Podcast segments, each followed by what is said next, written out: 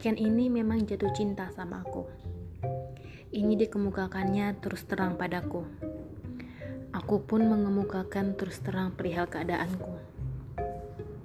Marilah kita bercinta pada tempatnya. Kau mencinta itu dan bersedia menerima apa yang mampu kuberikan. Sementara aku pun mencintai penderitaanmu. Syukurlah Niken telah semaksimal mungkin bisa bersikap dan berpikir rasional. Ini agak sedikit mengurangi penderitaannya.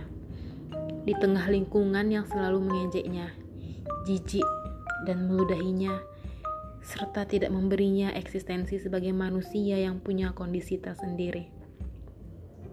Niken ini bekas hakim. Ia sarjana yang sebenarnya cukup cerdas.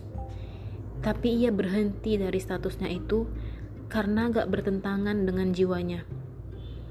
Ia kemudian di rumah saja, meneruskan usaha dagang orang tuanya.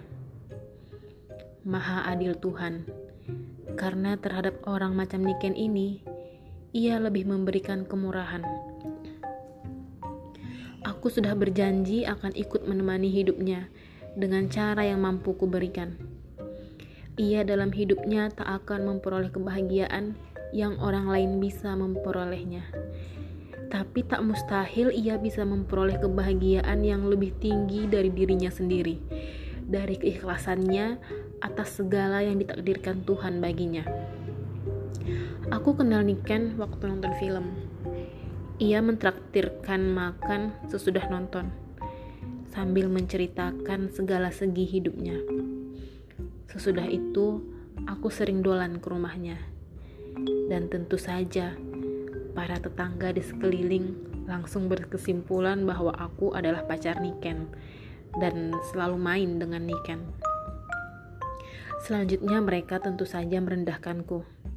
Jangankan mereka, kawan-kawanku sendiri pun tidak semuanya percaya pada apa yang sesungguhnya kulakukan. Mereka hanya tahu aku main dengan Niken. Aku dikasih duit sebagai upahnya. Ya, memang Niken punya pacar-pacar yang bersedia main dengannya. Itu hanya tergantung perjanjian.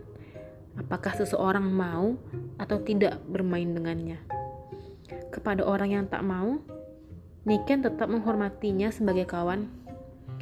Niken tidak bergaul sekedar untuk seks. Yang paling berat bagi Niken ialah masa depannya yang tak akan bisa diisinya dengan persuami istrian. Sebab siapa mau jadi suami atau istrinya secara total. Kemudian, masyarakat umum yang tak punya kesediaan untuk mengakui eksistensinya tetapi serba sedikit. Perlahan-lahan, Niken berhasil mengatasi hal ini. Aku sendiri menerimanya juga dalam batas yang kumampu. Aku bisa mengawaninya dengan pikiran-pikiran yang menguatkannya. Tapi untuk berjalan, nonton, atau ke mana-mana bersamanya, terus terang masih, terus terang memang masih ada cukup keberatan dalam perasaanku. Niken memahami kondisiku ini. Persahabatan kami dibangun dengan pengertian bersama yang rasional, serta dengan kesediaan untuk berkorban. Baginya, ada satu orang saja yang memberinya keleluasaan untuk menjadi dirinya sendiri sudah merupakan kebahagiaan besar. Tetapi untuk itu, baik orang itu atau Niken sendiri, mesti siap melawan alam anggapan masyarakat. Ketika aku mengulang tahuninya dengan merekam ngaji ini pun, beban itu sebenarnya tetap ada.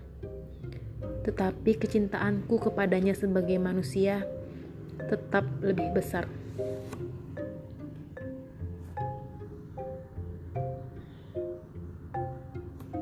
Tidak apa-apa nih Ken, kenapa mesti sedih?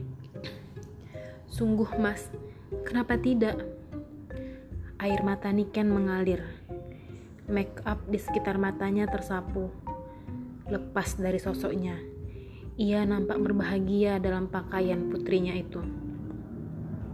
Semoga Allah memberi kekuatan pada Subodro, yakni Niken Lestari itu. BH MH Ainun Najib